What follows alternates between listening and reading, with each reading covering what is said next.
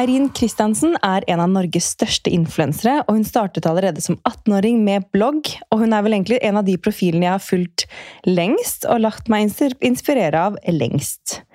Nå er hun forfatter og også klesdesigner, og jeg gleder meg til å ta en prat med henne i hennes nye rolle som mamma. Så nå skal jeg ringe opp Eirin, så får vi se om jeg får tak i henne. Hallo, Eirin.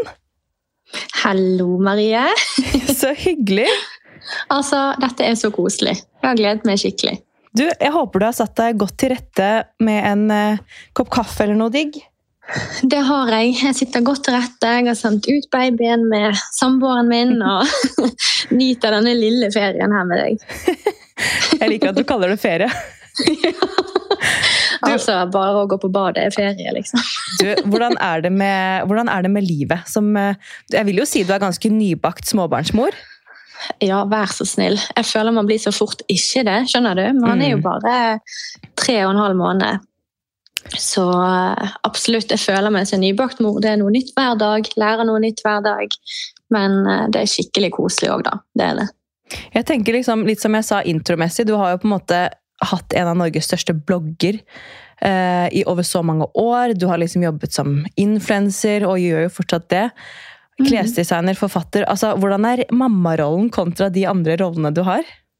Å, herregud, det er så stor kontrast. Eh, det var altså Det er faktisk litt morsomt, for når jeg fant ut at jeg var gravid, så var det som om alt bare ble stoppet opp sånn for meg i hodet når det kom til å være så ambisiøs som jeg egentlig vil si at jeg alltid har vært. Det var bare Jeg gikk inn i det fokuset at nå vil jeg være mamma. Nå skal jeg være en god mamma, jeg må ha det bra. og da er jeg nødt til å roe litt ned. Så det har vært en veldig stor kontrast, men jeg begynte liksom med en gang jeg fant ut at jeg var gravid, og roe ned livet. og ja, Så overgangen fra graviditet til, til nå, barseltiden, har vært eh, ganske smooth, vil jeg si. Men det høres jo veldig fornuftig ut, da. Er det noe som bare har kommet naturlig? Ja, altså jeg har jo som du sa innledningsvis vært i gamet ganske lenge. sant? Så jeg har mm. alltid hatt det veldig hektisk. Det har gått i ett og mye, mange baller i luften. Og så tenkte jeg sånn, nå når jeg har vært så heldig og blitt gravid, så eh, skal jeg virkelig nyte det å ikke ha så mange baller i luften. Så ja, for den tiden det... går jo altså, Det er bare sånn jeg tenker på nå som jeg har liksom noen få uker igjen. Det går jo ekstremt fort. Det går så fort. Det er det... helt vanvittig, liksom. Og det er så spesiell tid i livet at uh, det er så viktig å prøve, prøve å stoppe opp og nyte det litt òg. Og ikke bare jage etter jobb hele tiden du, den, altså den, jobben den løper jo ikke fra oss, egentlig. Nei, selv om man, det. Det selv om man tror det noen gang. Jeg vet det. Det er jo livet. Så det er litt sånn ja. Det høres ut som du har en fin balanse på det, enn så lenge i hvert fall. Ja, enn så lenge. Men altså, det er jo selvfølgelig litt kaos her og der. og når Francis ble født, så tok det liksom litt tid før jeg klarte å gå inn i den der avslappende rollen med at ok, nå må jeg bare nyte permisjon og liksom fokusere på babyen min og ikke jobb. Det var litt sånn skifte i hodet, men uh, nå føler jeg at jeg er det. og så er det litt sånn, Man må bare venne seg til at på en måte, ok, det skjer kanskje ikke så mye, men samtidig så skjer det mye likevel, da, altså med kroppen, og man mm. trenger liksom Man har et annet behov enn det man hadde før, og så må man bare ta egen dag om Det er bratt læringskurve. Herregud, hvor bratt læringskurve det er. Ja, altså, ja, det er helt sykt. Jeg kan ikke tro at du skal ha nummer to snart, og det er bare det, Gud, tenk det. Jeg føler meg veldig voksen. ja, men hva skjedde? Jeg følte jeg gikk seriøst fra barn til å bli voksen over natten. er, men man må jo da, plutselig så får man en baby å passe på, liksom. Ja, det er, det er helt, helt vilt. vilt. Men du, det er jo Um, helt vilt også hvor mange spørsmål vi har fått inn. Uh, jeg tenkte jo egentlig sånn, fordi Når jeg har gjester, så er det ofte at jeg legger ut spørsmålsrunde, og uh, lytterne kan være med å um, forme episoden. Men uh, det er rett og slett lytterne som har formet hele den episoden her. I hvert fall spørsmålet. så nå har jeg delt opp, um, delt opp spørsmålene her i liksom graviditet, mammarolle, fødsel eh, hverdagsliv og litt sånn generelt og livet fremover. Så jeg tenker vi skal bare prøve å jobbe oss litt gjennom, ja. Ja, det høres ut som en god plan. Gjennom skal vi bare begynne på? Mm. Ok. Um, hvordan har Eirins helseutfordringer påvirket henne, og hvordan går det nå? Ah, altså Tenker man da kanskje på PCOS-en jeg delte om yes. på nyåret? da? Mm. For det er det mange som har spurt om. Det skjønner jeg. Det er veldig få som snakker om det, føler jeg. Jeg eh, visste egentlig ikke hva det var før jeg googlet meg frem til det. Når jeg fikk liksom symptomene på PCOS. Hadde aldri hørt om det, faktisk. Um, men um, hvordan merket, du, hvordan merket du symptomer, eller hva slags symptomer hadde du? Altså Det som skjedde, var jo at uh, jeg sluttet på p-piller. Og det har jeg gått på uh, i mange mange år. sant? Vært, uh, men jeg har vært dårlig på å ta de da, veldig sånn av og på. Så jeg følte at jeg forvirret kroppen min litt. Og hadde lyst til å liksom gå av disse. Jeg er jo, eller var da òg i et fast forhold, sant? og hadde jo lyst på barn en stund og har hørt at det kan ta lang tid liksom før kroppen eh, normaliserer seg etter prevensjon. da. Mm. Eh, så jeg stoppet på p-piller, og det var ikke for at vi skulle liksom begynne å prøve aktivt, men for å på en måte balansere kroppen. da. Og så gikk det veldig kort tid, og jeg begynte plutselig å gå veldig opp i vekt. Eh, det var veldig ulikt meg, for jeg endret liksom ikke noe kosthold, jeg var veldig aktiv. Men det var sånn Det var noe galt, skjønner du.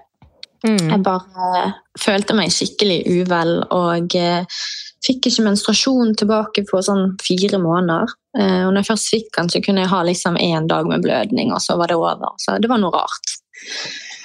Um, og så hadde jeg veldig mye vondt i magen òg, så jeg tenkte sånn ok, jeg får gå til legen. Jeg går jo aldri til legen. uh, men nå får jeg gjøre det en gang for alle da, og ta litt blodprøver og se liksom hva det er. Og uh, da fikk jeg bekreftet at det var PCOS, som jeg ikke hadde hørt om. Og uh, gikk til gynekolog, og da fikk jeg bekreftet at jeg hadde syster på eggstokkene og litt sånn forskjellig. Så det var liksom litt sånn kjipt å få beskjed ja, du har PCOS, men samtidig var det en lettelse, for da visste jeg på en måte hva jeg kunne jobbe for da, for å på en måte eh, dempe disse symptomene. Så ja. For det er jo Altså, jeg visste heller veldig Altså, jeg visste heller ikke så mye om det før uh, Jeg har hatt noen gjester som har pratet om det her i poden. Um, mm. Men det er jo også flere som spør om liksom, hvordan det påvirket Altså påvirket graviditeten din? Og på en måte veien til å bli gravid? Mm. Altså, jeg fant ut at jeg hadde det i fjor Jeg tror det var i mars. Og vi ble gravide i desember. Mm. Så fra jeg fant ut at jeg hadde det, til jeg ble gravid, så begynte jeg, begynte med en gang på metformin, altså medisiner for, eh, som kan hjelpe mot PCOS. da. Og jeg eh, følte at det på en måte slettet eh, symptomene mine ganske raskt. Jeg gikk fort tilbake til liksom, den vanlige vekten min, og hormonene var mer balansert. og ja, så jeg rakk nesten ikke å tenke på, altså på prøveperioden, for fokuset mitt var å bli frisk. skjønner du? Ikke, mm. ikke at du er syk, men ja, jo, på en måte òg. Men ja, det gikk liksom sin gang, da. Og, um, så det påvirket ikke meg så veldig mye, i og med at det gikk så kjapt. Vi var veldig heldige da. Uh, ja. Men det er jo veldig bra at du, uh, at du fikk behandling, og at den på en måte fungerte mm. raskt. For det er jo sånn man aldri heller vet om vil dette fungere på meg, og liksom hvordan vil min ja. kropp reagere. Um, bare husker På høsten så følte jeg meg skikkelig bra. Bedre enn, bedre enn jeg hadde gjort på flere år. Og da satt den plutselig, da? Den høsten. Og da skjedde det helt eh, på mirakelvis. For jeg var jo hos gynekolog, og hun bare sånn Ja, disse cystene de blokkerer jo feigløsningen din, sant? så det er litt vanskelig å si når du har det, og om du får det i det hele tatt. sant? Så for oss var jo det en helt fantastisk overraskelse at jeg ble gravid. Men, um, men tenkte du, altså, ble du noen gang da redd for at liksom, dette kommer til å påvirke? Mm, veldig. Det var da jeg kjente at jeg ville ha barn. Ja. No, ja, faktisk. Det, da bare gikk opp sånn lys for meg. Å, herlighet. Da skal jeg i hvert fall få det til, på en måte. Ja. Virkelig. Det setter liksom ja, alt litt i perspektiv, da. Absolutt. For det er mm. også noen som spurte om um, om hun var stresset eller urolig for at det ikke skulle gå bra første trimester, altså når du først ble gravid. Hvordan føltes det i kroppen da? Jeg prøvde å ikke overanalysere kroppen min i det hele tatt. Jeg prøvde ikke å tenke på meg sjøl som en med PCOS.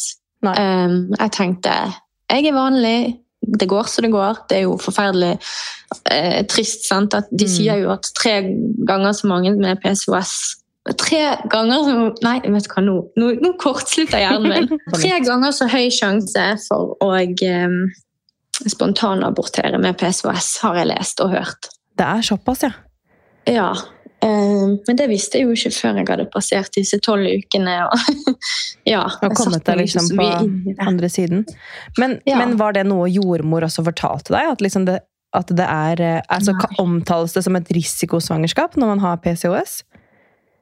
Nei, altså jeg har hørt noen si det, men jeg ble behandlet helt normalt. Helt, ja. De spurte meg veldig om symptomer og hva jeg følte på, men jeg tenkte liksom Jeg tror så lenge ikke jeg nevnte noe og alt virket fint, så var ikke det nødvendig for de heller å gå inn på det, liksom. Ok, men det er jo bra, da. Mm, ja, men, men hvordan, var, eh, hvordan, var, graviditeten ellers, da? Altså, du, du var veldig flott gravid, det må jeg få lov å si. Tusen takk.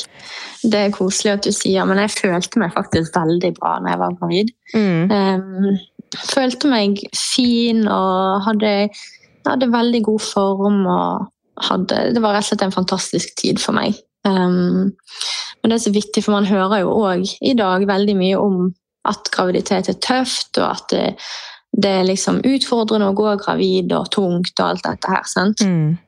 Så for hver måned som gikk, så sa jeg liksom til, til Magnus, samboeren min, da Er det nå jeg skal bli dårlig? Er det nå det skal bli tungt? Så jeg slapp veldig billig unna, for det kom liksom aldri. Nei, men altså, jeg tenker sånn, Det skal man også være bare veldig takknemlig for, da. Ja, fy søren. Altså Jeg også har sittet, Nå sitter jeg her i På appen min så står det at jeg er i tiende graviditetsmåned. Jeg vet ikke hvordan det er mulig. Men jeg sitter her og liksom Fader, ass! Man kjenner seg veldig takknemlig og heldig som ja. um, altså Spesielt når man hører om andre som har store utfordringer da, underveis. Så er det sånn, Man må klype seg selv litt i armen og tenke at bare shit, det her må jeg, jeg være glad for. Liksom, ja, så sykt òg. Man er så heldig. og jeg tror ikke jeg hadde klart å sette meg inn i den situasjonen før jeg eventuelt hadde slitt med det samme sjøl. For det må jo være et mareritt å føle at kroppen din er et fengsel på en måte. Ja. Så jeg var sjeleglad for at graviditeten var så fin, og jeg var liksom veldig sånn i harmoni og koste meg veldig masse med det. Så. Det, ja. det, så sånn ut også. Og det er det jo folk som spør om. Om det har vært like liksom, idyllisk å gå gravid og, og, bli mamma som det ser ut som på Instagram. en klassisk. En klassisk den der. Uh, ja. altså, faktisk Jeg tuller ikke engang, men hele graviditeten min den var, bare, den var helt nydelig. Jeg bare levde liksom i en liten boble for meg sjøl. Som jeg sa i begynnelsen, når jeg var veldig bevisst på å roe ned og være til stede og liksom eh, sette pris på denne graviditeten. da. Mm. Så det var helt fantastisk. Og å bli mamma òg, selvfølgelig. Helt fantastisk. Men barselperioden, den sjokkerte meg litt. ja. For da ble det brått liksom eh, en omveltning fra bare det å være for deg sjøl og hele tiden ha det fint, ryddig, være rein, du vet. Mm -hmm. Så bare har man brått ansvaret for en liten baby i en ny rolle. og ja. Ja, for det det sånn, Man tenker liksom at man skal få til alt likevel, men så kommer det, eh, det den nye sjefen da, og skal ha, og har noen behov som man bare sånn Shit, man må bare liksom være på alerten. Altså, så sykt òg. Jeg tenkte sånn klassisk 'jeg skal ikke bli sånn så la det skli ut', la, la, la, du vet. Jeg skal prioritere at det er ryddig og rent og fint, og la, la, la. Men så kommer han, som du sier, og så bare blir alt snudd på hodet. ja, Så sitter man der da, og ammer liksom time inn og time ut, og så plutselig så kommer liksom kjæresten hjem fra jobb, og så sitter man der med fortsatt i pysjen, liksom. Samme sånn, pysj, har ikke pusset tennene, liksom. Nei. Og det er sånn Ja, hva har du gjort i dag? Nei, hva, hva ser det ut som jeg har gjort i dag, da?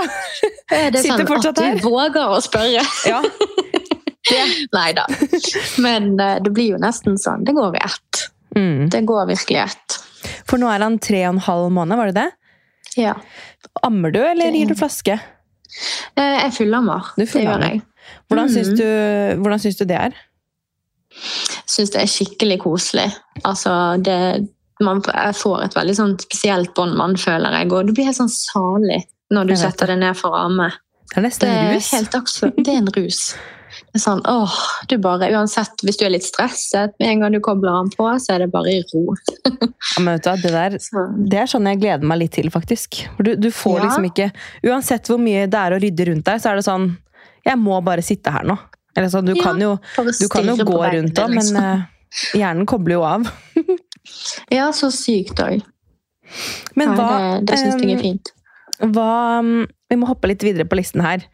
Um, mm. Beste tips til en god uh, som mulig barselperiode? Oi. Så god som mulig barselperiode.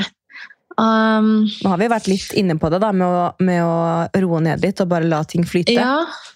Vet du hva, Jeg satt og tenkte litt på dette her nå i sted mens jeg snakket. Så jeg skjønner du, jeg Mhm. kan faktisk multitaske. Tenke oi, oi. og snakke. Nei da, Men um, Multitalent. vet du hva jeg syns var veldig fint som jeg gjorde? Det var På slutten av graviditeten så går det veldig inn i sånn nesting mode. sant? Oh yes. Eh, så tenkte jeg sånn når jeg var gravid, da, så er man så opptatt av å liksom bygge babyen sin garderobe og innkjøp til baby og sånn. Men det er så viktig å bygge en barselgarderobe for seg sjøl òg. Ja, det er sant. Eh, litt sånn lounge-antrekk, sånn fine hjemmeklær, en turjakke, tursko og liksom eh, Ja, tenke litt på hvordan du òg skal ha det i barselperioden. da. Det, fordi, som sagt, man har ikke all verdens tid. Så jeg var veldig opptatt av å gjøre liksom, hjemme lett og vedlikeholde før babyen kom. Så at pakket vekk liksom, de 20 skoparene jeg snubler over i gangen. og Ryddet kjøkkenet og liksom tok vekk masse produkter på badet, så jeg vet at jeg ikke får tid til å bruke. For dette blir bare rot, liksom. Så Du, det er gode tips. Ja, bare gjør hjemmet lett å vedlikeholde, og bygg deg en fin barselgarderobe, så ikke du føler deg verre enn hva du ofte gjør. Men hvordan, hvordan har du bygget en god barselgarderobe, da? altså, jeg har først og fremst ikke fokusert på å ta frem jeans og trange ting som jeg liksom har gledet meg til å gå med, for jeg vet at det kommer ikke til å skje med det første. Mm -mm. Det er sjelden jeg liksom pynter meg. Det er når vi går ut kanskje i helgene og ja, på bytur, liksom. Mm. Går fremdeles med strikk på buksen. Mm, ja, ja. Tre måneder seinere. ja, men altså, Eh, nei, man vil jo bare at det skal føles behagelig, da. Ja, behagelig. Lage en behagelig garderobe, men litt fint. sant? Et matchende sett. Det trenger ikke å være mye. Du kan hive det inn i maskinen når du vasker babyen din sine klær. liksom. Ja, ja. Men bare tenk litt minimalistisk og ja. Det syns jeg var et veldig godt tips. Da det, Da slapp du å ta skippertak her hjemme når han kom. Det er veldig gode tips. Og så er det litt sånn, man vil bare ha ting som funker, og sånn Mm. Istedenfor å tenke at man skal sette sammen masse antrekk. og heller bare, Jeg har faktisk gjort det samme i klesskapet mitt. Jeg har bare lagt bort eh, alt som liksom jeg vet ikke kommer til å passe. Eller det gjorde jeg for en stund tilbake. Lagt, lagt bort alt som ikke kommer til å passe fremover, og som jeg vet i hvert fall ikke kommer til å passe etterpå. Som jeg ikke har lyst til å ha på etterpå. Eh, Ja. Bare fordi at når man åpner klesskapet, så vet man da at liksom, her er det ting jeg kan gå med. Og som jeg kommer Ja. til å føle meg vel i. da. Det er liksom det, og så har ikke du all verdens tid til å stå og planlegge heller hva du skal på deg. sant? Da- man drar som regel bare fram en tights og et eller annet annet. Ja, det er liksom det. Så jeg gikk fra enormt mange sko for eksempel, i gangen til å ha et par tursko når du går og triller. sant? Et par finsko hvis jeg skal ut, og så et par slipperser hvis jeg skal på inspeksjon i huset. Ja, fordi altså, du holder jo på å pusse opp også. Vi må bare Jeg vil ikke Altså- snakke om det nesten, men ja. Nei. Jeg føler vi må liksom bare litt innom det. Vi må touche litt inn på det. dere har jo et hus, men dere har også en leilighet, ikke sant? Mm. Så dere bor i leiligheten, og så renoverer dere huset. Ja, vi kjøpte jo eh, et hus i Sandviken. Det er tre etasjer, og vi rev alt. Eh, Så det var bare skall igjen. Og så bygde vi opp eh, leilighet først i første etasje, da, halve første etasje, og der bor vi nå. Eh, Så den gjorde vi liksom ferdig først, og så skulle vi fokusere på resten av huset da, etterpå. Men hvor lang tid eh, har dere holdt, eller hvor lenge har dere holdt på nå? Å gud, eh, vi Hører du? Mm. Vi, fikk, vi overtok huset i 2019, Ja. men ironien er jo at eh, vi flyttet jo til Marbella et år. sant? Ja, stemmer det. Og hadde vært på husjakt lenge. Så seriøst, samme dag vi kom frem til Marbella og hadde signert en årskontrakt på leilighet der nede, så ringte megler fra Bergen og bare sånn Gratulerer, dere kan få huset dere bydde på allikevel, hvis dere vil. Oh no. Og vi bare oh shit. Ja ja, vi får gjøre det, da. Da ble det litt andre planer. eh. Ja, så det tok veldig lang tid før vi begynte da, Mm. um, å ta tak. Men når vi først gjorde det, så rev jo meg og Magnus seriøst hele huset sjøl. Um, Ja, det husker jeg fulgte med på. Og så har du, dere har jo på en Mm. måte, nå har det jo vært andre ting du har liksom prioritert mer å legge ut Mm. om. Men det er sånn, jeg har vært veldig nysgjerrig på liksom, hva skjer med huset. Jeg vet det, men altså, jeg er jo det sjøl. Nei da, alle er jo det. Men Mm. det går så sakte. Ja. Men det går sakte, men sikkert. Altså, det er jo bra. Uh, vi har det litt for komfortabelt i leiligheten, tror jeg, for den nå ble ganske fin. Du, det ser Altså- kjempelekkert ut, da. Ja, så det er liksom Det går kjapt å rydde her. Han er ikke så stor, liksom. Nei, nei. Altså sånn Noe med baby òg. Sykt deilig å ha alt eh, på ett plan.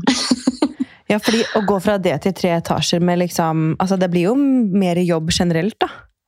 så sykt å og jeg kunne jo ikke gå de første ukene etter fødsel. Jeg hadde så vondt. Så jeg Mm. eh, hadde ikke kommet meg opp og ned de trappene. Jeg hadde sikkert bodd i denne leiligheten uansett. Men eh, det ser ut som dere har et fint eh, lite rede der nå, da. Og det er sånn, det må man jo bare nyte også så lenge man kan. Ja, det har vi, og eh, nå er det virkelig nærme, altså. Nå får vi inn maler til å male ferdig og sånn i løpet av de ukene som kommer, og da er det til å begynne å innrede og sånn, så det gleder jeg meg til. Men du, så i tillegg til å være liksom nybakt mor, så holder du også på å være sånn prosjektleder og gå rundt som Inspector Gadget inne på Så sykt òg. I Ja, det- mansion der. Gjør jo det, men Magnus tar heldigvis mye av eh, den kaken akkurat nå, så Ja, det er gøy. bra.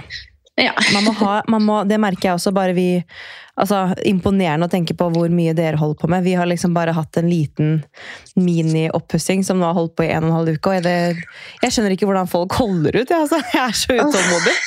Nei, men vet du hva, Maria, Det er ingenting å si om det er en liten leilighet eller om det er et hus på tre etasjer. Det er liksom heftig uansett. Det er så mye valg. Det er de samme valgene. Ja. Og eh, ting å holde i og Nei, ofte mye. Men, eh, Men dere har da i blir det fall digg når det er ferdig. Ja, det er nettopp det. Det er det, det, er det som er gulroten her. Ja, så sykt. Det blir bra til slutt, sier jeg til meg selv. Det sier jeg hver kveld. Så Ja. det, er litt sånn God natt, det blir bra til slutt. Ok, natta. Men du, er det noe som har vært eh, utfordrende eller vanskelig med å, å bli mamma? Uh, utfordrende og vanskelig. Hmm. Jeg tror eh, liksom bare litt sjokket, på en måte, fra å gå til å være, fra å være to til tre. Mm. Eh, det har vært litt sånn I begynnelsen, første ukene, så var jeg, hadde jeg en liten sånn sorg. Fordi meg og Magnus har vært så sykt sånn vi skal kose oss så spontane, og du vet. Man kan Mm. jo det enda, men det er jo ikke det samme. Det er veldig altoppslukende å få baby. Det er sant. Så det, det overrasket meg mer enn jeg hadde trodd, selv om jeg var ganske forberedt på det. Men uh, vi har enda til gode å liksom fullføre en film. så ja. Men det er, eh, det er fint mål å ha. Det syns jeg. ja. Men, eh, men hva annet, da? Altså, sånn, du sier du fullammer, så det har, det har gått greit? Sånn fra starten? Jeg hadde litt eh, trøbbel på KK Mm. eh, når jeg hadde født med å få i gang melken. Men Ja. Nå er det mye som skjer, sant? og du er litt stresset og har litt vondt. Og... Så jeg fikk ikke i gang melken før jeg kom hjem. Og eh, han fikk erstatning på eh, sykehuset. Mm. Mm. Ah, Det er så mye som skjer som man egentlig ikke tenker over før man liksom står der og bare sånn må deale med det. Ja, det var Altså, jeg bare hadde så sykt lyst til å få til ammingen, sant, og Ja. plinget på de hjelperne mine si, hele tiden. Hjelperne mine. Ja, ja, men sykt, det må man- men det igjen jeg kan skylde litt på hjernen min hvis det kommer litt sånn rare ting ut. Du, vet du hva? Eh, jeg er sånn Noen ganger så er jeg sånn Hvor lenge kan jeg podde før jeg går i fødsel? Fordi at eh, Noen ganger så bare stopper hjernen min, og da er det sånn Det er akkurat som at jeg har ordet, men at det bare er Ja. blurry. Så kommer det bare ikke frem. Skjønner du hva jeg mener? Jeg skjønner så sykt godt hva du mener. Det skjer hele tiden. Det er sånn, Jeg er nesten redd for å gå ut og møte folk. At jeg kommer til å si noe dumt. Ja, eller sånn, man, man blir sånn Oppfatter folk meg som helt liksom fjern her nå, eller eh, går det greit? Ja, uff. Ja, men det er godt vi er to, da har vi liksom forståelse for hverandre her. Ja, det er tydeligvis en greie. Men det er jo, ja, jeg har begynt å følge en eh, profil. Jeg skal ta og legge han ut på, mm, på Instagram. Men han det er en jeg tror han er sånn lege eller forsker eller et eller annet, som legger ut så mye sånn interessant om kvinnehelse og hvor mye energi kroppen annet bruker når man holder på å fullamme. og det er- bare så mye som kommer fra den profilen som er bare sånn sjokkerende nyheter. Så den skal jeg legge ut, så skal jeg sende til deg òg. For sånn, da blir man litt sånn shit. Det er såpass, ja. Det er såpass mye energi man bruker på på en måte bare fullamme, da, og i tillegg ikke ba, Ja. det, Jeg sier ikke at det er bare, men For Nei, å sette det i perspektiv, da, så er det sånn I løpet av en dag, så hvis man fullammer eller driver med amming generelt, det er jo tidskrevende i seg selv, så skal man i tillegg liksom prøve å ordne litt hjemme. Man skal liksom prøve å Mm. lage seg et godt måltid. Man skal liksom gjøre de vanlige dagligdagse tingene i tillegg. da, Og prøve å være et litt oppegående menneske. Så er det sånn, ja, ja, det er ikke rart at hjernen min omtrent kobler ut, for jeg har ikke noe energi igjen. Jeg har ikke noe mer å gi. Men Det gir så mening, liksom. Ja, det er eh, Det er- helt vilt. Altså, du sier mamma, men han ammer jo hele tiden. Det er bare Ja, det tar hele dagen, liksom. Men hvordan er den på natten og sånn? Får du sove nå, eller? Dette tør jeg nesten ikke å si, Nei. men eh, han har faktisk sovet gjennom siden han var åtte uker. Åh, fy søren. Det Så er jeg ammer ikke på nettene. Ja, det er virkelig Men nydelig. Han- våkner du med spreng, da, eller har, du liksom, har det gått seg til? Jeg våkner med spreng. Ja. ikke så gale nå som i begynnelsen. Da var jo det stein, liksom. Det var helt sykt. Shit. Da satt jeg her og pumpet klokken halv syv, liksom, fordi at han sov. Um, Det er sykt, da.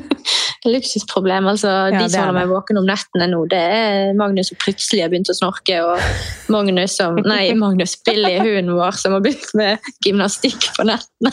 Men du, hvordan har han reagert på å få seg lillebror, da? Åh, jeg var så redd for at han ikke skulle takle det, for han er så egen. Altså, Mm. jeg var nummeret før jeg ammet min egen hund. liksom. Han var babyen min. Ja, men Det har alltid vært deg og han. Det har alltid vært meg og Billy mot verden, liksom. Åh. Så eh, jeg var veldig nervøs. Og det, faktisk når, når jeg fødte Francis, så tenkte jeg på Billy. Jeg var bare sånn, Nå hadde han vært stolt over meg, nå må du bare presse. Ja, men så koselig! Ja, ja. Altså, jeg har aldri vokst opp med hund, men vi har jo liksom hund i familien. Og det er sånn Det, ha det er noe helt eget. Man kan ikke sette seg inn i det. Det er eh, det er et barn, liksom. Et barn som aldri blir voksen. Ja. Virkelig.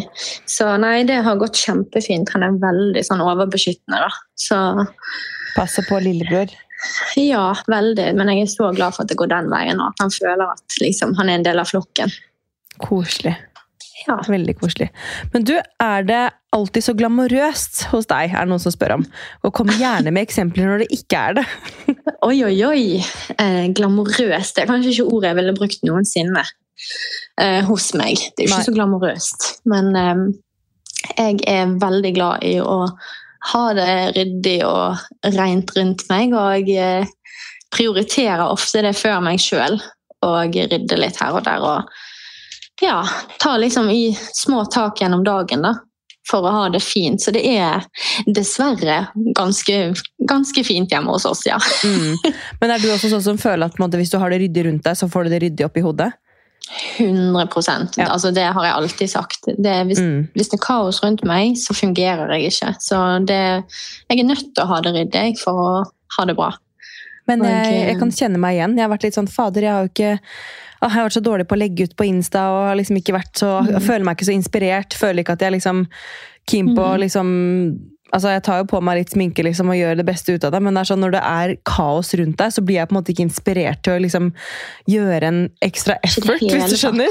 Er sånn Jeg skjønner deg. Ja ja, det kan bare ha, gå med litt fett hår, og det går fint. Samme det. Ingen som bryr seg. Ja, ja, altså Jeg kan se ut som et takras, men hjemmet mitt er alltid fint, liksom. Ja, ja.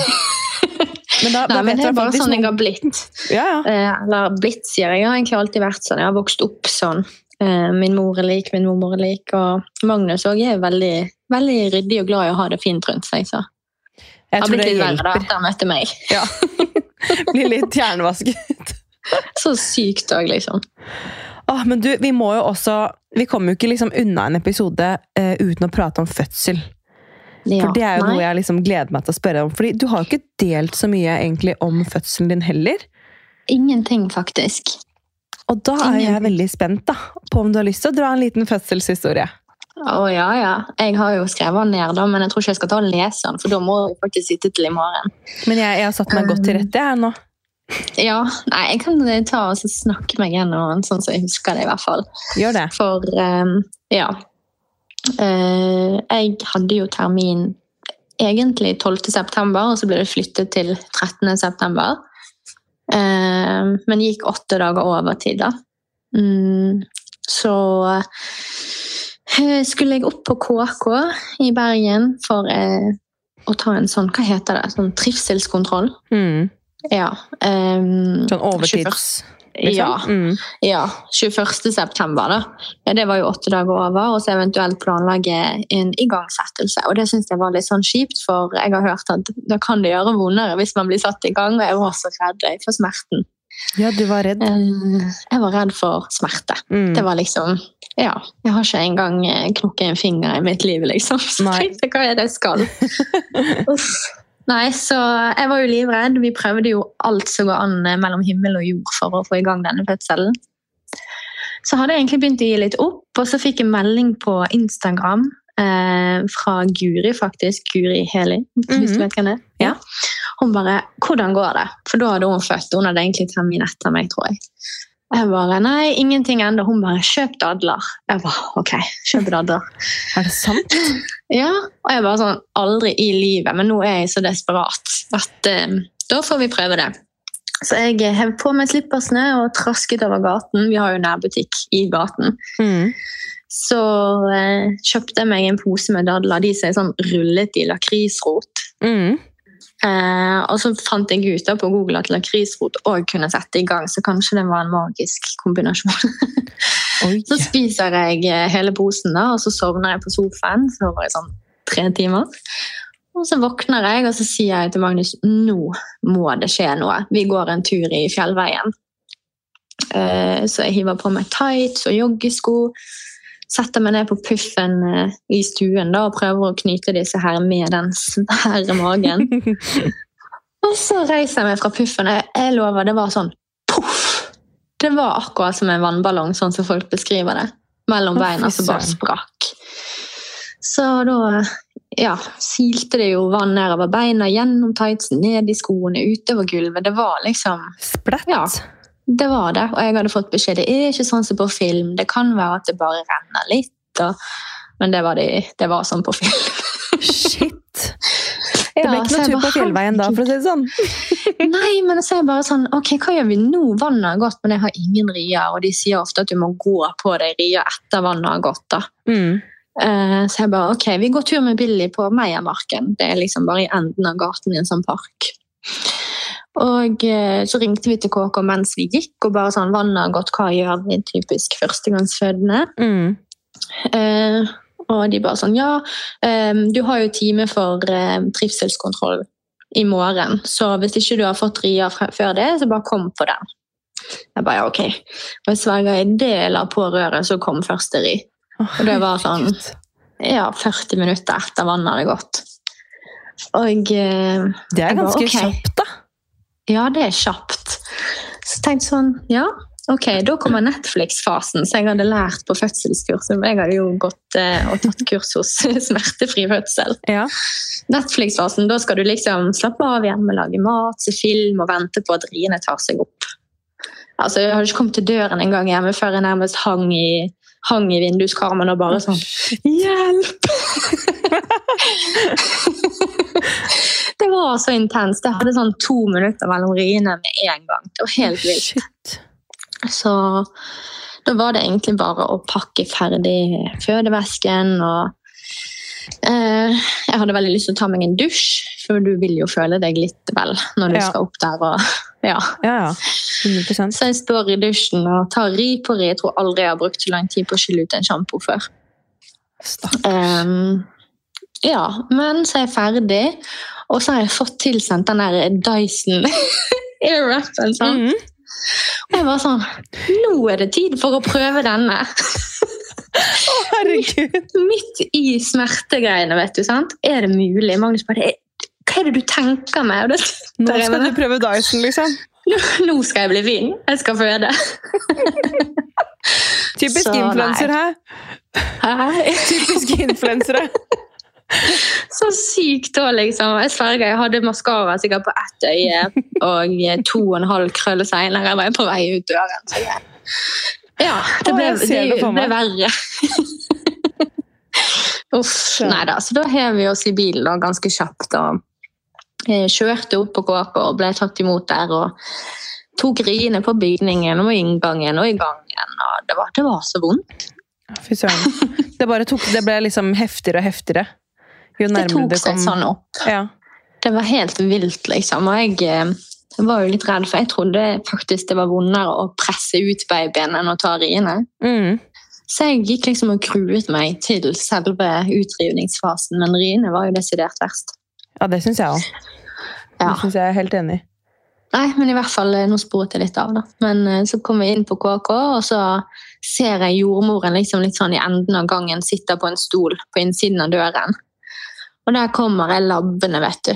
I, i kåpen og to og en halv krøll og bare Epidural! Bare gjør den klar! Herregud, jeg var Epidural! Det er så vondt, jeg klarer ikke dette her, liksom. Det går ikke. Jeg bare Er det for seint? Tror du jeg rekker det? Og hun bare sånn Vi må undersøke deg. Ja.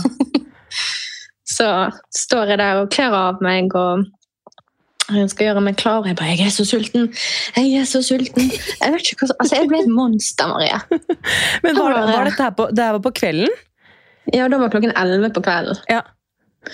Eh, Jeg ser for meg deg som liksom så søt og uskyldig står der og bare Epidural! Mat! ja, men det verste er at jeg unnskylder meg. Unnskyld, unnskyld, unnskyld. Jeg var en rit. Epidural! Unnskyld, det gjør så vondt. Det kom jo strofer rundt, rundt omkring i ja, hytt og pine, vet du, og så skal du være deg sjøl. Det ble sånn konflikt det der. Når du er så flink pike, og så samtidig så kommer det noe glose på tampen der. Unnskyld, det kommer en ripe!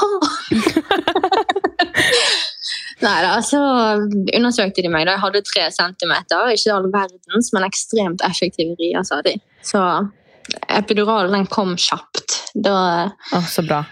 Ja, da kom de inn, og jeg gjorde meg klar. Og Magnus var jo superstresset oppi det hele òg. Han eh, er jo ikke glad i å se at jeg har det vondt. sant? Nei, nei, og de, altså, tenk eh, deg de, da. Så det er sånn Georg har sagt også, og i hvert fall nå som det nærmer seg. og Bare sånn, jeg følte meg så ubrukelig. Ja, Det er bare sånn, Du Altså, jo ikke meg, men det er sånn, du vil jo bare være der som en slags ja, støtte. da. ja men det, altså, de trenger bare være der. Det er Ja. mer enn nok. Det var mer enn nok. Men i hvert fall så setter de den epiduralen på meg, da, så bommer de litt. Jeg tror jeg hadde tre forsøk. Oi. Mm, for du skal vel kjenne det i foten et eller Ja. annet når han treffer. Og så får jeg liksom beina på en krakk, og så sier han legen bak meg nå må du sitte i ro. Eh, selv om du har intense rier, så prøv å holde deg i ro, for det er liksom litt sånn kritisk når de skal sette epiduralen. da. Jeg bare ja, ja, ja. Og så kjenner jeg bare at krakken under beina på meg forsvinner. Å, Og jeg liksom tipper litt frem, og han bare 'sitt i ro'. Jeg bare 'det er ikke meg', så ser jeg på siden. Det er Magnus, han holder på å besvime. Nei! Jo, den, den mannen, vet du. Så sterk og tøff. Og så nei da, han holder på å gå i bakken, så han måtte jo få hjelp. Så jeg Stakkars! sitter, jeg sitter der med halvveis epidural i ryggen, sykeste riene og bare 'Hjelp han!' Oh my god! Ler meg i hjel. Og han bare 'Jeg trenger hjelp!' jeg trenger hjelp. Og satte seg ned i en stol og måtte få skive med syltetøy. liksom. Så jeg sitter der i fødsel. Så. Men det, altså, når det tok seg opp så fort, da, det er ikke rart. Stakkars gutten fikk jo helt sjokk. Jeg må bare le. Men ja. Uff. ja. Så fikk jeg den, og så virket han først ikke på ene siden, og så på andre. og Så var det litt sånn frem og tilbake, men så fikk jeg en sånn boosterdose, da, og da funket jo det så bare det. Um, så da hadde jeg det skikkelig fint. Men følte du også at liksom du Eller kjente du riene etter du fikk epidural? Eh, lenge, Mm. men så begynte jo det å nærme seg eh, pressefase. da. Jeg fikk jo etter hvert ganske god åpning. og Jeg husker da vi var på 8 cm, og da begynte jeg å bli sykt redd for å føde. Ja. Eh, jeg tenkte sånn Nå har dette gått greit, men så vondt. Hjelp, hvor vondt kommer det til å gjøre å få ut babyen? Mm. Så da ba jeg om mer epidural, selv om jeg sikkert hadde klart meg helt fint, og da mistet jeg riene. Så det var veldig dumt. Åh. Så da måtte jeg få drypp. Ja. Ja, få drypp, og eh, ja, det var, det var så intenst igjen da, sant? Det gikk sånn opp og ned i sving, og så jeg fikk babyen høy puls, og jeg fikk infeksjon, så de måtte jo sette antibiotika og væske på meg, og oh. altså, det var liksom litt kaos, men samtidig så tenker jeg bare på det så verdens fineste opplevelse. Jeg, eh, ja, ja, det var bare, det var ikke så galt, liksom. ble du redd? Nei, jeg ble egentlig aldri redd. Nei. Jeg følte at de hadde stålkontroll. Det var bare De var så flinke, liksom. Å, så bra. Så til slutt var jo jeg veldig bedøvet. Og eh, hun bare Jordmor sa at eh, nå tror jeg vi må ta et prøvepress. Mm. For eh, nå har babyen litt høy puls, og det er litt kritisk at vi setter det i gang. Bare ja, ok, men kan jeg få 20 minutter til? Bare til å hvile, liksom. og så jeg var, Da var jeg trøtt, jeg hadde ikke så vondt. Og hun bare nei, nå må vi sette i gang. Jeg bare ja, ok, hjelp. Og så tok jeg et prøvepress, da, og da ble det full jubel, for det gikk veldig fint. Og han kom liksom langt ned i Det er så Kanalen. sjukt. Jeg er fortsatt jeg, jeg, Ja, det er like Ja. sykt hver gang man hører en fødselshistorie, altså. Ja. Og jeg liksom ga alt jeg hadde, og bare presset og presset. Hun bare vet du hva, han kom så langt ned at dette går så fint, liksom. Han er ute på null komma niks. Så da ble jeg så glad for eh, Det hadde jo jeg gruet meg mest til, men det var Mm. faktisk det fineste med alt. Da følte du at nå Så- er du liksom så nærme at du snart ser du han, liksom. Ja, virkelig. Så jeg eh, presset i forskjellige stillinger, og det var en hard treningsøkt, liksom. Mm. Um, og jo nærmere han kom, så bare ble jo de mer og mer giret på fødestuen, og Magnus var det, og når de bare sånn 'Nå ser vi hodet i åpningen', og vi bare 'Hæ? Er det sant? Er det sant?' Og begynte å grine og bare Det er for sykt motivasjon, da. Ja, det er motivasjon. Men det var da jeg bare sånn Ok, nå svir det. Så Mm. klarer jeg å dumme meg da og bare sånn Jeg må ha Embla-krem! Kan noen smøre på Embla-krem? De bare 'Embla-krem?' Så begynte jeg hele fødestuen å le. Hva er det du snakker om? Ja, men hva liksom? er det? det altså, hvis du fjerner tatovering, så får du sånn smertestillende salve. Jeg må ha det! Dette svir så sykt, liksom. Da kom Ring of Fire, liksom. Ja. Og de bare Og på lesingen, men så var det ett press til, og de bare sånn Ikke press, pust den ut. Jeg bare ok. Og der kom han, vet du. Skliende ut.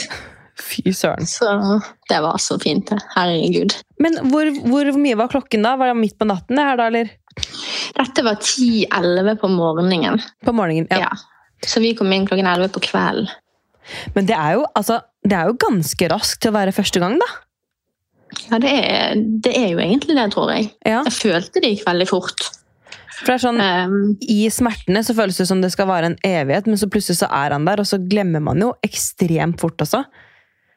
Altså, Etter de hadde trilt meg inn på rommet vårt, så sa jeg vet du hva, jeg er litt lei meg for dette er over. Jeg vil gjøre det igjen. ja, det er sykt. Så Det er helt sykt hvor fort man glemmer. Men hvordan var det da å få han eh, opp på brystet? Nei, Det var helt sånn surrealistisk. Er han min, liksom? Og så var jeg nesten litt sånn redd for å se på han. Fordi at du har hørt sånn at man kan kanskje få litt sånn at man ikke føler noe liksom, tilknytning, eller Ja.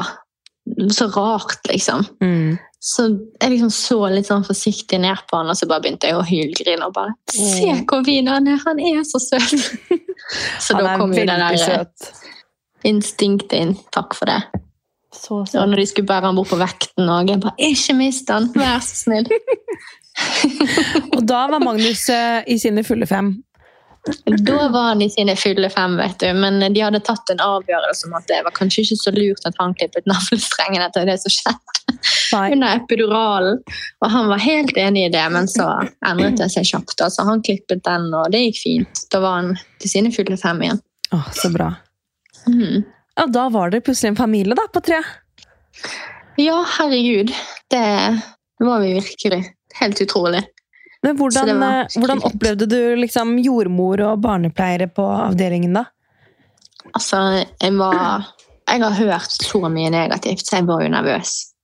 Og det er jo ofte det som stikker seg ut, sant. Mm. Men jeg hadde virkelig en drømmeopplevelse. Verdens fineste jordmødre. Um, Silje og Kaja het de på KK. Um, og barnepleiere etterpå. Altså Jeg kunne ikke fått det bedre. Jeg var så godt ivaretatt. Og ja. All ære til de for at jeg fikk en så fin fødsel. Det er jo, altså, man, man er der liksom og opplever det største i livet, og så Mm. på en måte så er det sånn De har jo også litt av en opplevelse, da, men de gjør jo det hver eneste dag. Det er liksom sykt å tenke på at Mm. det her er det største du opplever, og så er det liksom i gåsetegn en vanlig dag på jobb for dem. Ja, det er jo det er helt vilt. Det, men det er jo fantastisk yrke og fantastisk jobb de gjør, da. Jeg har ikke ord. Altså, de gjør en så fantastisk jobb, og at de liksom klarer å være så fin og god og støttende og liksom heie på deg som om de aldri har tatt imot et barn før. Mm. Det syns jeg bare er for noen magiske mennesker, liksom. Det er skikkelig heiagjeng. Ja, virkelig. Jeg bare ja, kunne sendt de seriøst morgenlevering hver fredag opp på KK Ja. resten av livet, fordi jeg er så takknemlig.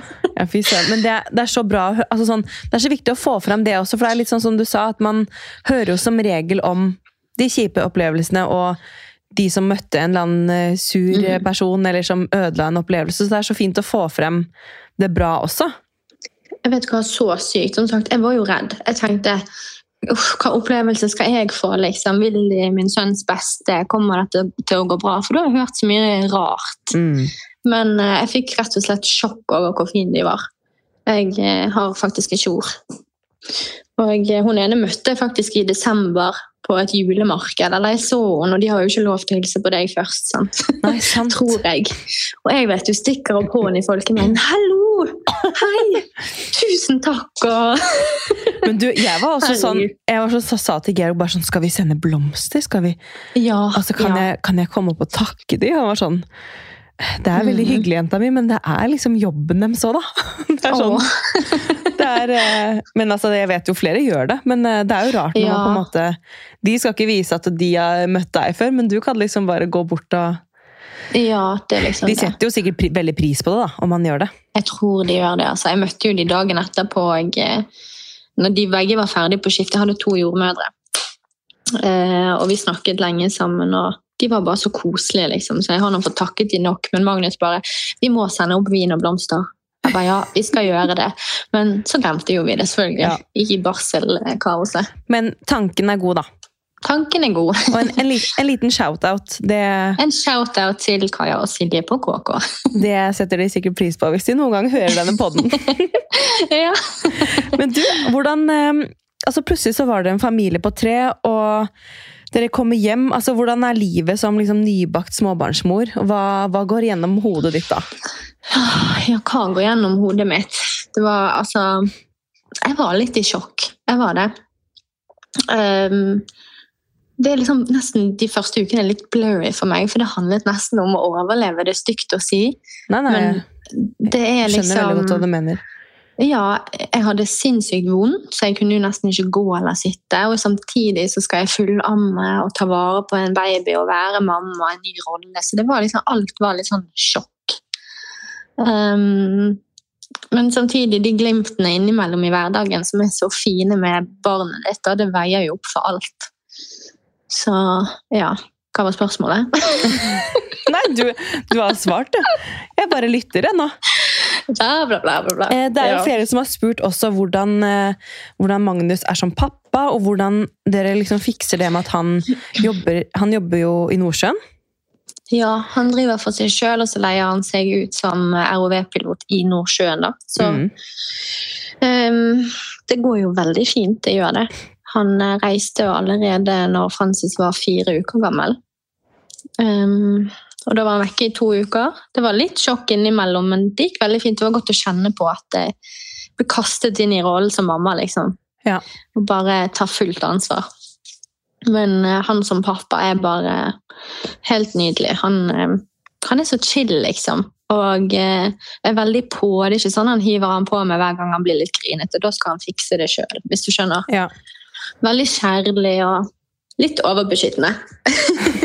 Nesten verre enn meg. Han ringte meg forrige uke når de var ute på trilletur. Mm. Um, og bare sånn Du, vi skulle jo søke barnehageplass, sant? Jeg bare ja. Han bare Nå står jeg utenfor denne barnehagen, og her er det slåsskamp. Ungene slåss. Han skal ikke gå i denne barnehagen. Og han var så dramatisk. Han var helt satt ut. Han snakker om det ennå. Hva skal vi gjøre? Han kan ikke bli sendt i barnehagen. Så superbeskyttende. Det er, vet du hva? Jeg, jeg syns det er Det er noe fint ved det òg, fordi Georg også er eh, ganske overbeskyttende. Og mm, er liksom sånn Hvis Oliva omtrent gir en klem til noen av gutta i barnehagen, så er det sånn Hei! Pass dere! Ikke, noe, ikke noe klining her nå!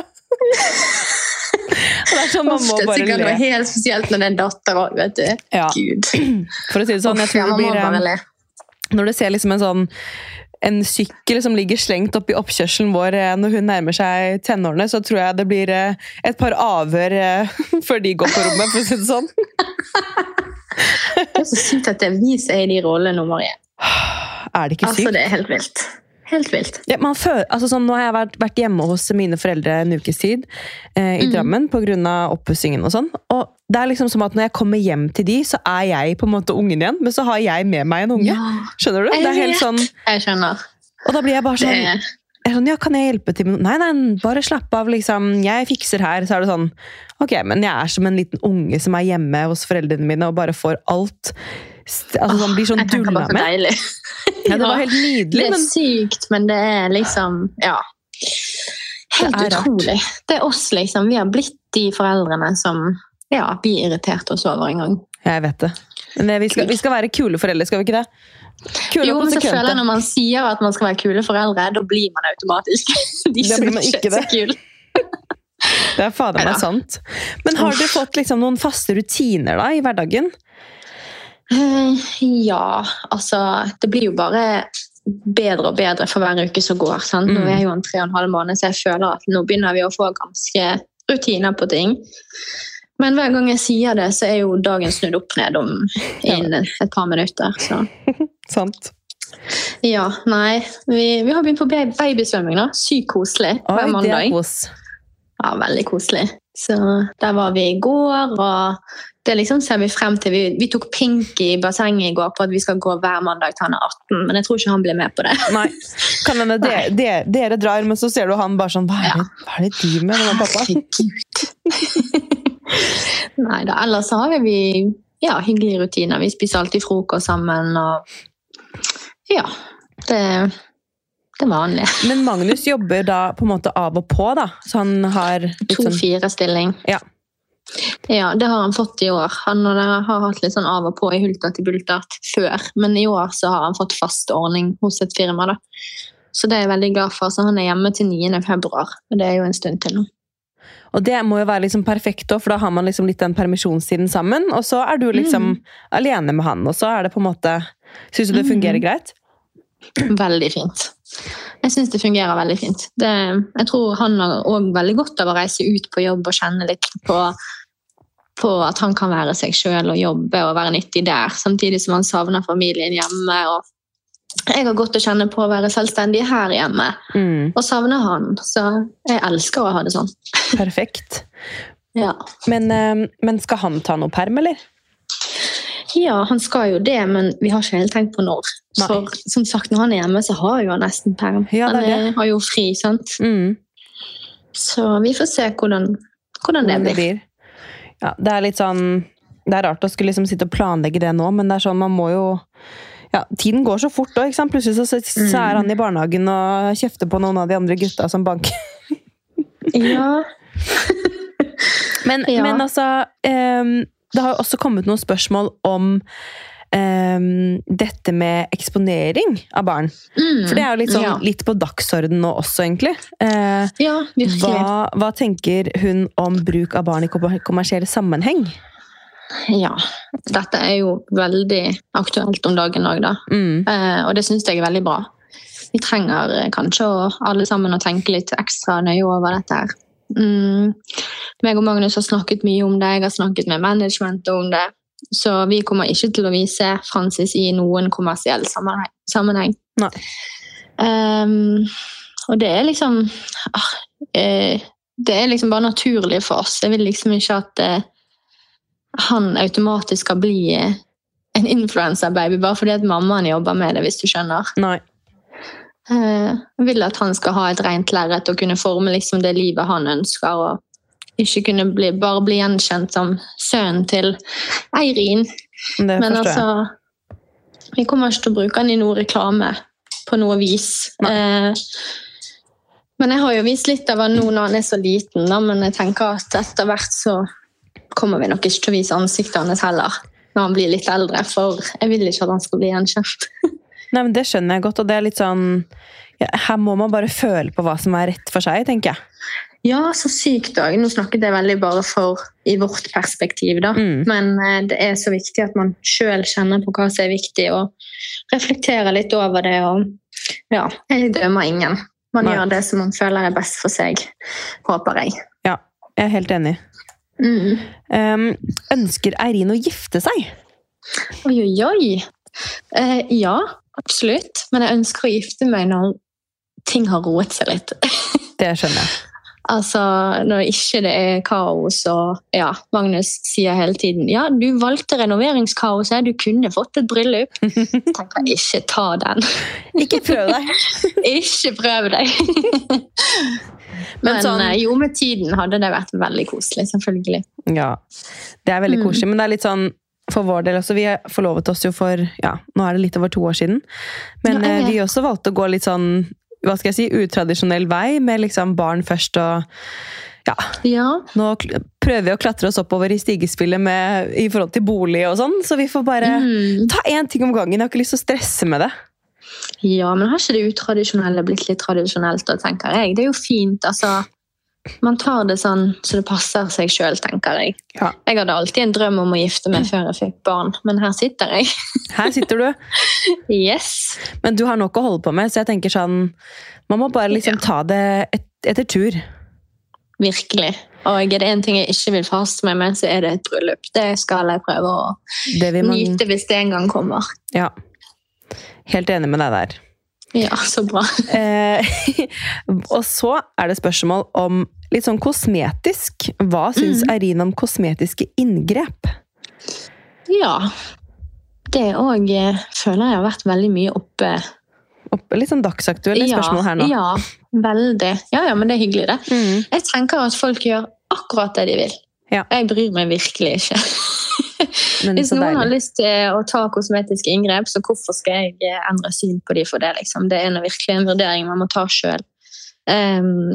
jeg har tatt både Restylane i leppene og Botox i pannen før. Jeg har ikke gjort det siden 2021, en god stund før jeg eh, fant ut at eh, jeg ble gravid. da. Mm. Um, for man skal jo ikke gjøre det når man er gravid heller. Nei.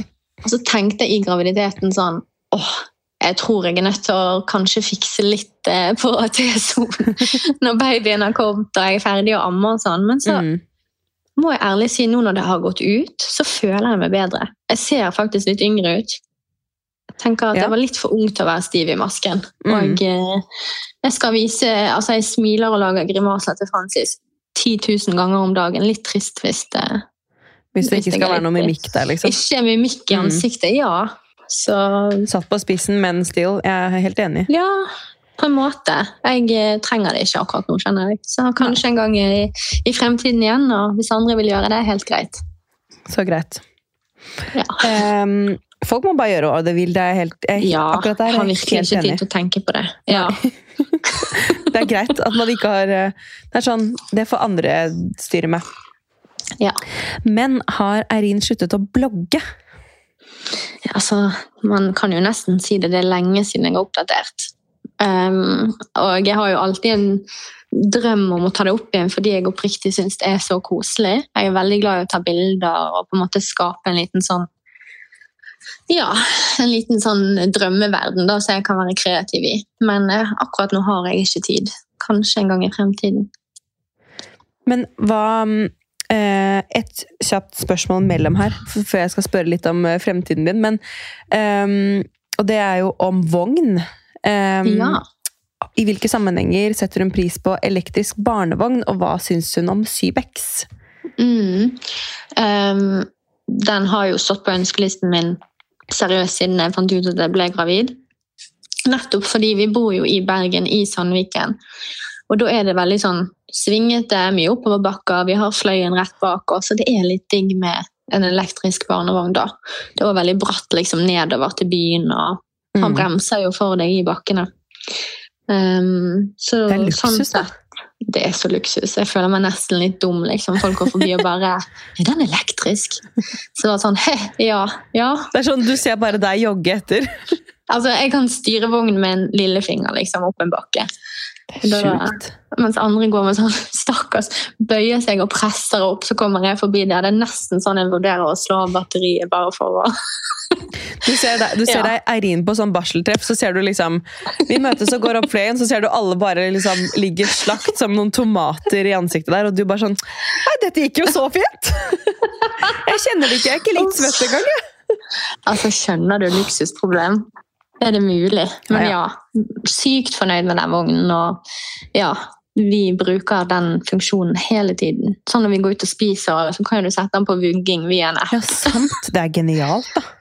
Ja, senest i går liksom, så var vi ute og spiste, og da satt vi på vugging, og han sov gjennom hele, hele middagen. Du vet hva, Det der er så genialt. Vi brukte den derre um, eh, Nå husker jeg ikke hva den heter. Um, jo, Sleepy Troll. Det er liksom altså, Du bare henger på en dings på vognen, men altså, det var så genialt. Mhm, så rister vognen. Det er så genialt. Så det er Det- altså hot tips. Mange sier jo sånn, ikke få de til å bli vant til det, men så tenker jeg, gud, han har jo blitt vugget i ni måneder i magen min, han kan eh, Han få litt ekstra allerede. vugging utenfor. Ja, vet du hva, det er sant. Det er sånn jeg har tenkt på som i forhold til den der Moonboon, eller hva den heter. Det er sånn, har du den? Ja, eh, vi har den, men ikke det merket. Nei. Det er helt lik, bare dønn en annen logo. Ja. Ja. Fordi jeg har også tenkt sånn der, åh, gjør jeg meg selv en bjørnetjeneste? Men samtidig sånn, hvorfor skal jeg ikke Mm. gjøre det? Når man liksom skal ha to barn, og man aner jo ikke hvordan det blir. Men jeg har tenkt at jeg skal vente og se han litt. ja, gjør det. Jeg òg tenkte akkurat det samme som deg, men så reiste jo han offshore, sant? og jeg fikk sånt i ryggen jeg, av å gå rundt og bysse, og, oh, ja. ja, og jeg fikk ikke gjort så mye her hjemme. Så da endte det opp med en sånn, og plutselig hadde jeg frie armer igjen og en bedre rygg, så for min del var det veldig verdt det. Det er faktisk et godt poeng. Ja. Skal se om jeg ikke får skaffet meg en sånn før, vi, før hun kommer. Men Ja. jeg er veldig nysgjerrig på litt tilbake til det vi snakket om, men liksom med, med jobb, da. Altså fordi at Mm. du er jo i permisjon nå, og den tiden her får man jo ikke igjen når man skal liksom nyte den. Men du Mm. er jo en kreativ sjel. Eh, Ja. har du liksom, hva, hva, hva drømmer du om på en måte fremover? Eh, jeg vet ikke, jeg er jo sånn løs kanon når det kommer til drømmer, sant? og jeg er jo ikke redd for å prøve heller.